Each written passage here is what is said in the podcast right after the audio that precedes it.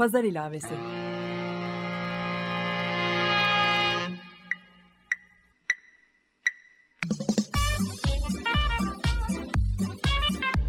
...1936'dan günümüze 80 yıllık bir zaman tüneli.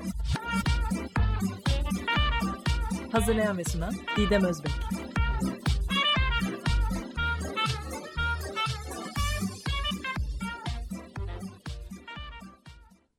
Merhaba sevgili Açık Dergi dinleyicileri. 1936 gündemini günümüze bağlayan pazar ilavesini dinlemektesiniz.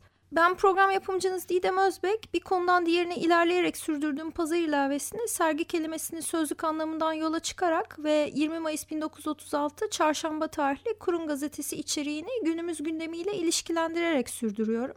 2012'den beri üzerine çalıştığım bu çok katmanlı görsel sanat projesinin sözel çevirisini Açık Radyo'da sergiliyorum. Pazar ilavesinin 28 ve 29. bölümlerini dinlemiş olanlar 20 Mayıs 1936 Çarşamba tarihli Kurum Gazetesi'nde yer alan 19 Mayıs Gençlik ve Spor Bayramı haberlerini hatırlayacaklardır. Bu haber üzerine konuk ettiğim Eczacı Fikret Nemli'nin o dönemde bayramın Taksim Stadı yani Topçu Kışlası'nda nasıl kutlandığını da anlattığını hatırlayacaksınızdır. 20 Mayıs 1936 Çarşamba tarihli Kurum Gazetesi'nde bugünün Türkiye'sini tarihi önemde etkileyecek bir haber daha vardı ki projeme başladığım Nisan 2012'de Taksim'de bir yayalaştırma projesinden bahsedilmeye de başlanmıştı. Ancak Mayıs 2013'ün sonunda bir gün hepimiz Gezi Parkı'nda kesilmek istenen ağaçlar ve yakılan çadırla uyandık. 1940'lı yıllarda Gezi Parkı olabilmesi için yıkılan Taksim Stadı özünde Topçu Kışlası'nın bir alışveriş merkezi şeklinde tasarlanan kopyası Gezi Parkı'nda yeniden inşa edilmek isteniyordu. Ve ilginç bir şekilde projemin temel kaynağı olan Kurum Gazetesi'nde de bununla ilgili bir haber vardı. Önce dilerseniz Levent Üzümcü'den Gezi Parkı'na dair bu haberi bir dinleyelim. Daha sonra ODTÜ Mimarlık Fakültesinden Profesör Doktor Canan Bilsel'e telefonla bağlanacağım. Ve 80 yıl önce İstanbul'u kim neden ziyaret etmiş bu konu hakkında konuşacağız.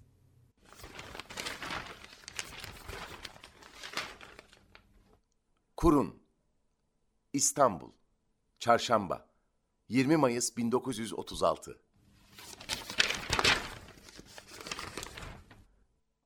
Proust geldi. İstanbul'un imar planı 3 senede hazırlanacak. İstanbul'un imar projesini yapacak olan Fransız şehircilik mütehassısı Proust, dün sabahki trenle Paris'ten şehrimize gelmiş, Pera Palace Oteli'ne inmiştir. Mütehassıs, öğleden sonra Florya'ya gitmiş, tetkikatta bulunmuştur. Proust gazetecilere demiştir ki, İstanbul'da bir ay kadar kalacağım ve ilk iş olarak Yalova'nın imar programını tamamlayacağım. Bundan başka İstanbul'un imar planını parça parça olarak 3 senede hazırlayacağım. 1 Aralık Ankara'ya da gidip oranın imarı etrafında da tetkikat yapacağım.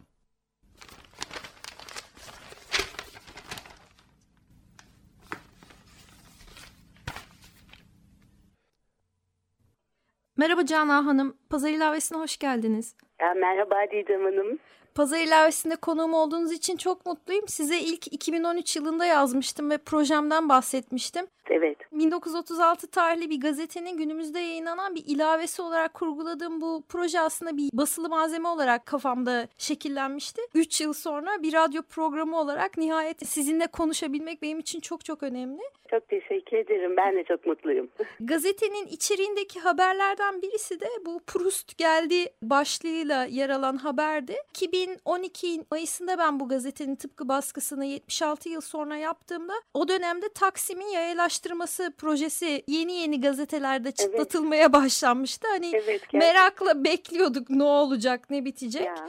Ben gazetenin günümüzle ilişkili olan haberlerine hiç müdahalede bulunmadan bugün hala gündemde olduğunu düşünerek olduğu gibi bırakmıştım. Gündemde olmadığını düşündüğüm bazı haberlerin de üstünü açık tonla sanki üstünde karpuz yenmiş diye düşünebileceğimiz bayrak kırmızılarıyla kapatmıştım. Bunlardan evet. bir kısmı 19 Mayıs törenleriydi ki tam bir sene sonra Mayıs sonu 2013 yılında ortaya çıktı ki bu aslında üstünü kapattığım 19 Mayıs törenleri Taksim Stadyumu Topçu Kışlası olarak da adlandırılan alanda çekilmiş. 2013'te zaten gezi eylemleri gerçekleşti. Çünkü o parka tekrar Topçu Kışlası'nın inşası söz konusu oldu birdenbire. Ve hani konu sürekli birbirini tekrar ediyor ve gazete içeriği gündemi yakalıyor diyeyim. Dolayısıyla hani sizinle gerçekleştirdiğim bu program bence çok önemli. Benim projem adına da çok önemli. Çok ilginç gerçekten. Burada sizin uzmanlığınız aslında tekrar işin içine giriyor. Çünkü siz 2010 yılında Pierre Pinop'la İstanbul Araştırmaları Enstitüsü'nde gerçekleşen İmparatorluk kentinden Cumhuriyet'in modern kentine Henri Prost'un İstanbul planlaması 1936-1951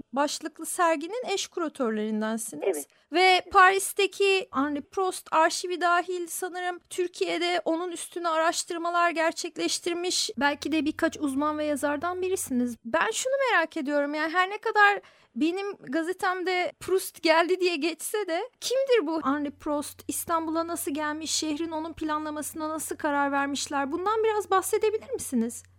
Marcel Proust tabii çok bilinen bir edebiyatçı olduğu için hemen Proust'la karışıyor isimleri yakın. Henri Proust bir mimar. Fransa'da, Paris'te Güzel Sanatlar Okulu'ndan, École de Beaux-Arts'dan çok başarılı bir öğrenci olarak mezun oluyor. Ve mezuniyetinin hemen ardından da Büyük Roma ödülünü kazanıyor. Prost bu kapsamda ilk defa İstanbul'a 1905-1906 yıllarında geliyor kendi önerisiyle ve kabul ettirmekte de zorlanıyor aslında ödül komitesini. Evet yani sonuçta Ayasofya'nın restitüsyonunu ve Bizans dönemi İstanbul'unu yani onun bir arkeolojisini yapmak üzere, onun çizimlerini yapmak üzere geliyor. Dolayısıyla İstanbul'la tanışıklığı yeni değil. Prost ayrıca yine Fransa'nın ilk şehircilerinden. Şehir planlama disiplininin Fransa'da kurulmasında çok önemli rolü var ve müze sosyal hareketinin içinde yer alıyor. Bunun içinde çok aktif olarak çalışıyor. Yani çevre sağlığı konularında. Çünkü Avrupa'da Fransa'da bu dönemde endüstri sonrası kentlerinin planlı bir şekilde sağlıklılaştırılması söz konusu. Ardından 1914-1922 e, yılları arasında Fransız himaye yönetimi altında Fas şehirlerini bunların içerisinde işte Fas, Marrakeş, Casablanca, Meknes gibi çok e, önemli kentler var. Bu kentlerin planlamasını üstleniyor. Ve o dönemde özellikle Casablanca planlaması ki Ingrid Bergman'lı o meşhur filmden de bilirsiniz. O dönemin çok önemli bir Avrupalı nüfusu barındıran bir modern kentidir aslında Casablanca. Onun plancısı. Aslında Birinci Dünya Savaşı'nı orada kentlerin planlamasıyla e, uğraşarak geçiriyor. Ardından da 1922 yılında yeniden Fransa'ya döndüğünde Fransız Rivierası'nın Var bölgesinin ilk bölge planını yapıyor. Orada da son derece hani korumacı, doğal değerleri koruyan yani manzara değerlerini, estetik değerlerini öne çıkaran bir planlama anlayışı var. Bütün bu çalışmalarında son derece başarılı bulunan bir kişi Prost. İşte kariyerin sonucunda Fransa'nın başkenti Paris'in metropoliten planlamasının başına getiriliyor. Kaç yılında? Ee, şehirci olarak 1932 yılında Paris. O dönemde banliyöler bütün sürekli nüfusu artmakta olan çok düzenli gelişmeyen bir kent. Kentin gelişmesini işte kontrol altına alma, düzenleme ve yeni bir otoyol altyapısı öneren bir plan geliştiriyor. Ve bu planda aynı zamanda şehrin tarihi ve doğal sitlerinin de korunması konusunda önemli bir takım kararlar alıyor. Bugün hala Fransa'da bu dönem yani Paris'in Prost planlaması referans gösterilen bir planlama deneyimi. Tam bu sırada yani Paris'i planlarken Paris'in baş şehircisi iken İstanbul'un planlaması için açılmış olan şehircilik yarışmasına davet ediliyor. Yani bir yarışma sonucunda İstanbul'a geliyor ve şehri planlıyor diyorsunuz. Evet 1933 yılında İstanbul şehrinin gelecekte alacağı şekli belirlemek üzere üç şehircilik uzmanı, şehircilik mütehassısı o zamanki adıyla davet ediliyor. Yani davetli bir yarışma, sınırlı yarışma bugünkü deyimiyle. Ve Fransa'dan iki, Almanya'dan bir uzman şehirci davet ediliyor. Bu tabii daha önce Ankara için uygulanmış olan yöntemin bir çeşit İstanbul'a uyarlanmış hali. 1932 yılında Yansen'in planı onaylanıyor Ankara'da. Hemen birkaç ay sonra bu çok enteresan bence. İstanbul içinde bu yöntemin uygulanabilecek iyi bir yöntem olduğuna karar vermiş olmalılar ki 1933 yılı başında işte mektupla davet ediyorlar. Davet ettikleri kişilerden biri Almanya'da Hermann Elgötz. Daha önce Essen endüstri şehrinin planlamasını yapmış bir kişi. Fransa'dan ise Alfred Agache ki Buenos Aires'in planlamasını yapmıştır. Fransa'nın çok ünlü plancılarından biridir. Ve üçüncü kişi olarak Henri Prost davet ediliyor. Mustafa Üstündağ o zamanki İstanbul Valisi ve Belediye Başkanı'nın imzalamış olduğu Türkçe olarak yazılmış bir davet mektubu. O da çok enteresan. Bu mektubu Türkçe olarak gönderiyorlar. Daveti alan kişiler onu Türkçeden kendi dillerine çevirtiyorlar. Yani ne yazdığını bilmeden önce mektubu açıyorlar. Ondan sonra Açıyor, bu neymiş Türkçe diye. bir mektup çıkıyor. Onun Türkçe olduğunu bir şekilde anlıyor herhalde. Ardından da elçilikle irtibata geçiyorlar. Burada tabii çok ilginç olan bir başka şey daha bu süreçte Türkiye Cumhuriyeti'nin büyük elçiliklerinin oynadığı rol.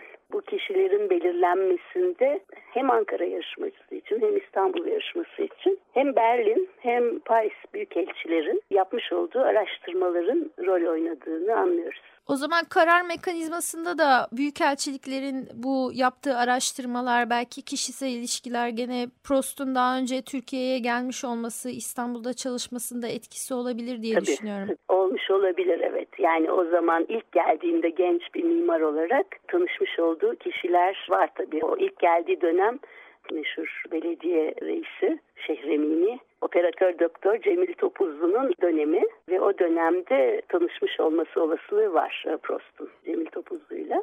Bir de tabii 1922 yılında İzmir için yapılmış olan plan var. İzmir'in planını yapmasını kendisinden istiyorlar.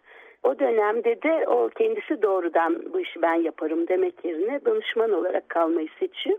Ve Dange kardeşler İzmir'i planlıyor. İzmir'in planları da yine yaptığımız araştırmalarda Prost'un, Henri Prost'un arşivinden çıktı planın eskizleri.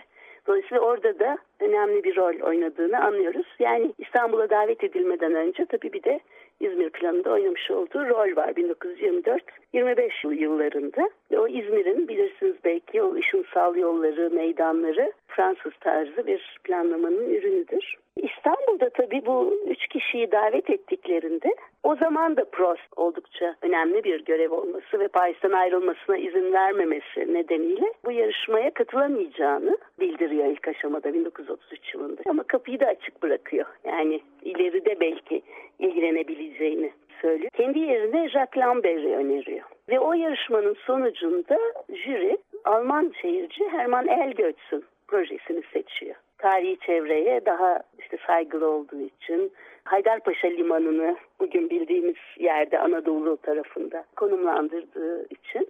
Fakat ilginçtir hiçbir şekilde sözleşme imzalanmıyor o kişiyle. Bu tabii benim şimdi söyleyeceğim biraz spekülasyon ama Ankara'yı Berlin'i planlamış olan Hermann Jansen planlarken İstanbul'u da Paris'i planlamış olan kişinin planlamasını istediklerini düşünüyorum. Burada tabii hani Atatürk'ün rolü neydi konusu var. Doğrudan bir yazışma yok ama hemen yarışmanın sonucundan bir yıl kadar sonra Prost'la yeniden irtibata geçildiğini anlıyoruz. Türkiye'nin Paris Büyükelçisi Suat Davas devreye giriyor.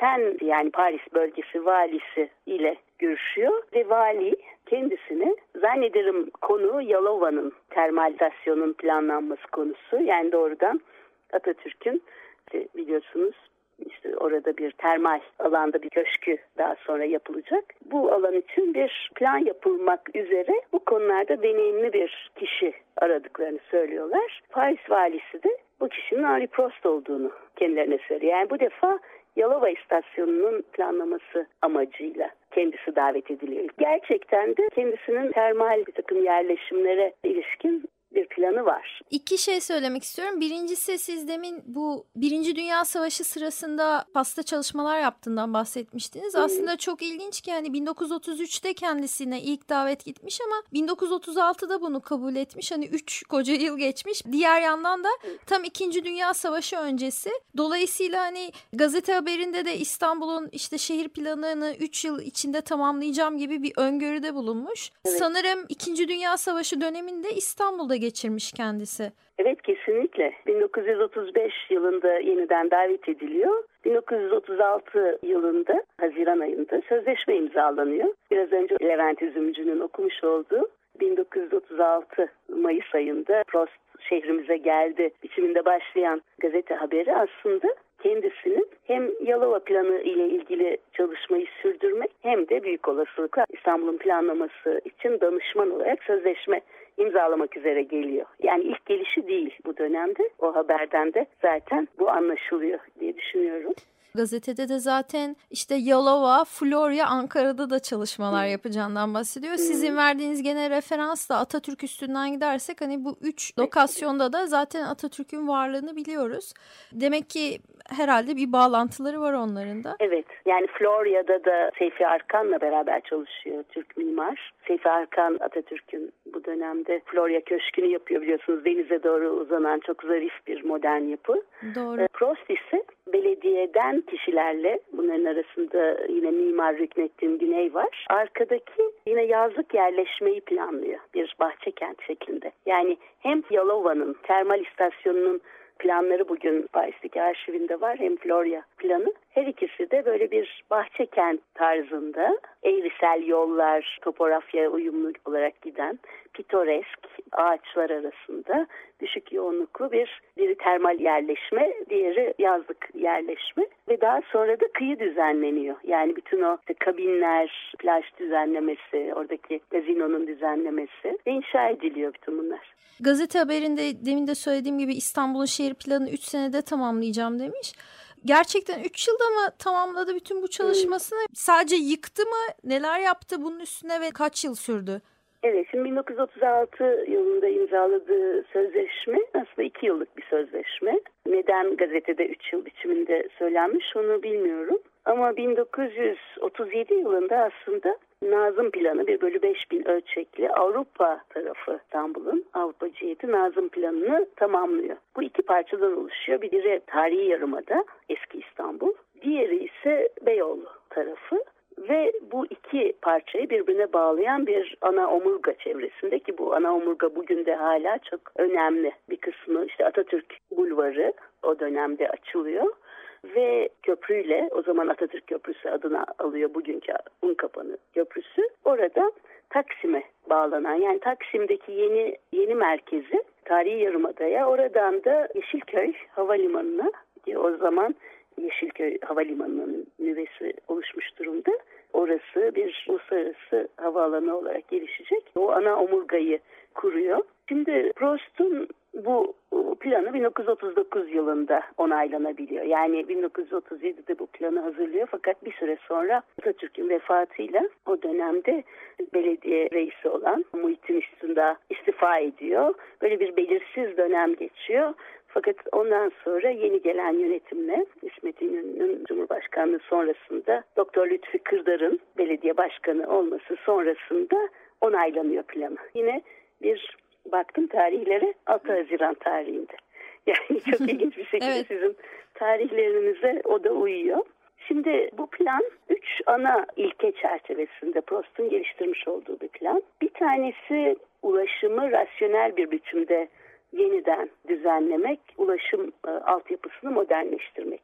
Bir diğer konu sağlıklılaştırma yani çevre sağlığına uygun, hijyen koşullarına uygun bir yerleşim planlaması, kent planlaması ve üçüncüsü de estetik konusu. Tabii bu bir çağdaş kent, bir modern kent imgesine uygun olarak kentin yeniden düzenlenmesi. Prost'un eski İstanbul'a ait e, planlama raporları İstanbul'un bir cildi var. Onun başında bir çeşit savunma yapıyor. Bana çok ilginç geldi. Söylediği şu, 1908 devriminden, orada da revolüsyon sözünü kullanıyor. Yani ikinci meşrutiyetin ilanı, İttihat Terakki'nin başa gelmesi. Bu yana işte Türkiye'nin o zaman Osmanlı İmparatorluğu'nda devletinde hızla modernleştiğini, kentin de benzer şekilde bundan payını aldığını, artık modern bir kent istediğini İstanbul'u yönetenlerin, öte taraftan kentin tabii tarihi değerlerine de son derece dikkat edilmesi gerektiğini söylüyor. Daha sonra 1947'de vermiş olduğu bir konferans var İstanbul'un planlamasına dair. Enstitü de France'da Fransa Enstitüsü'nde vermiş olduğu bir konferans. Bu konferansta da özellikle İstanbul'un planlaması bir cerrahi operasyona benzetilebilir diyor. Bir yandan dünyada eşi benzeri olmayan silüeti ve tarihi anıtları Öte taraftan da müthiş bir canlılık içerisinde yaşayan bir kenttir İstanbul diyor. Ve bu kenti bir yandan modernleştirirken öte tarafta tarihi anıtlarına, tarihi silüetine büyük dikkat sarf etmek gerekir anlamında. Ve özellikle de işte böyle bir pitoresk etki, silüetin bir bütün olarak korunması üzerinde duruyor. Yani Henri Prost aslında kendi yaşadığı dönemde de bu coğrafyada neler olduğunu siyasi olarak ve şehrin nasıl geliştiğini her şekilde takip eden birisiymiş. Sizin anlattıklarınızdan da onu anlıyorum. Evet yani çok iyi bir gazete okuyucusu olduğunu, iyi bir entelektüel olduğunu söylemek lazım. Büyük olasılık evet. İstanbul'u aslında ilk yıkan Henri Prost değil Osmanlı döneminde de özellikle Eminönü bölgesinde farklı yıkımlar olmuş diye duymuştum. Tabii yani bakarsanız Mimar Sinan da kendi külliyelerini mevcut olan konut dokusunu ya da mevcut olan oradaki daha eski olan dokunun üzerine inşa ediyor. Ünlü hikayeler vardır. Yani her zaman değil mi yine o zamanın sultanının isteğiyle ya da önemli kişilerin girişimleriyle yapılan düzenlemeler ama modernleşmenin başlangıcı ile eş zamanlı aslında İstanbul'un, imparatorluğun baş şehrinin yeniden şekillendirilmesi süreci ve çok ilginç aslında Tanzimat'la birlikte hatta Tanzimat Fermanı'nın ilanından önce mektupları var Mustafa Reşit Paşa'nın Abdülmecid'e, ikinci Abdülmecid'e tabii. Ve bu mektuplarda bir yangın sonrasında yazıyor İstanbul'a dair. Kendisi Londra'da elçi bu dönemde İstanbul'un da Londra ve Paris'te olduğu gibi modern usullere göre ve endese kaidelerine göre bu yanan mahallelerin yeniden düzenlenmesi gereğine işaret ediyor. Ve 1839 tarihinde bir Tanzimat Divanı var. Tanzimat fermanını da henüz ilan etmeden önce yayınlamış olduğu bir ilm haber var. Yine 1839 tarihli. Ve bu gelecekte İstanbul'un ne şekilde düzenlenmesi gerektiğine dair bir sözlü betimleme. Ve buna göre bir takım ana caddelerin tarihi doku içerisinde, İstanbul şehri içerisinde ana caddelerin açılması, sahil boyunca gerek Marmara sahili gerek Halit sahili boyunca geniş yine caddeler açılmasından söz eden ayrıntıda işte şehir dokusunun nasıl düzenlenmesi gerektiğini bir şekilde betimleyen çok önemli bir belge. Ve burada betimlenen bu projenin ondan sonraki 200 yıl içerisinde buna Prost'un yapmış olduğu planlarda dahil gerçekleştirildiğini görüyoruz. Yani modernleşmeyle birlikte İstanbul'un yeniden tasarlanması, yeniden biçimlendirilmesi çok farklı yönetimler altında da devam ettiğini bile söyleyebiliriz. Daha sonra 1980'lerde yani önce 1950'lerde 56-57 tarihleri arasında Başbakan Adnan Menderes'in yapmış olduğu operasyonlar var. Ardından da bunlarla beraber bu çok geniş caddeler açılıyor biliyorsunuz. Prost planını esas aldığı söylenmekle beraber tabii ondan belli ölçülerde farklı. Ve daha sonra da Bedrettin Dalan'ın 1980 sonrası operasyonlarıyla aslında ta en başta 1839 tarihinde belirlenmiş olan bir şeyin bir gelecek projesinin İstanbul'da adım adım gerçekleştiğini söyleyebiliriz. Yani 250 yıllık bir dönem içerisinde. Canan Hanım sizi hazır pazar ilavesinde konuk etmişken hele ki Gezi'nin 3. yıl dönümünde istiyorum ki biraz da bugünü konuşalım. Ve gelecek hafta yani 8 Haziran 2016 çarşamba akşamı yayınlanacak pazar ilavesinde bu konuşma devam edebilsin. Dilerseniz sohbetimizin bu ilk kısmını Boğaziçi Caz Korosu'nun Henri Prost'un Gezi Parkı'nda 2013 yazında seslendirdiği Çapulcular Oldu mu konser kaydını dinleyerek bitirelim. Tamam. Evet sevgili dinleyiciler bir pazar ilavesinin daha sonuna geldik. Geçmiş bölümlerin podcastini Açık Radyo.com.tr ve Pazar İlavesi blogspot.com adreslerinden dinleyebilir. Gelecek bölüm içeriğinde Pazar ilavesi Twitter adresinden takip edebilirsiniz.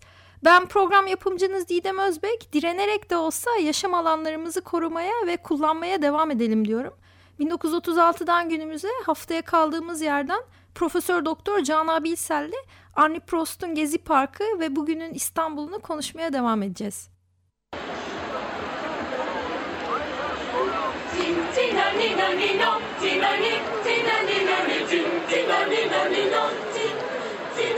米奇米奇米妮妮妮妮妮妮妮妮妮妮妮妮妮妮妮妮嘿嘿来喽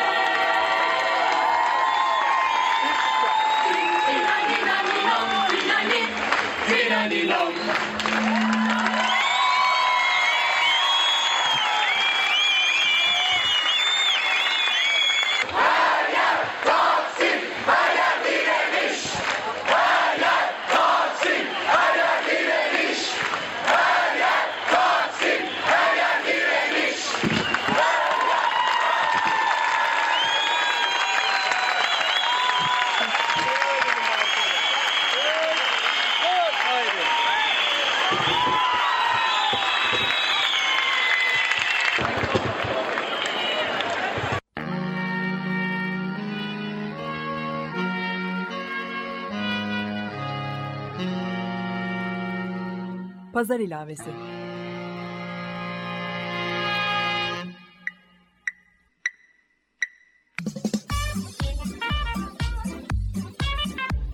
...1936'dan günümüze 80 yıllık bir zaman tüneli.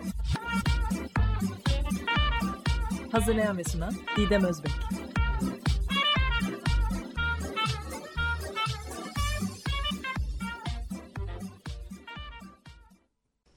Açık Radyo program destekçisi olun. Bir veya daha fazla programa destek olmak için 212 alan koduyla 343 41 41.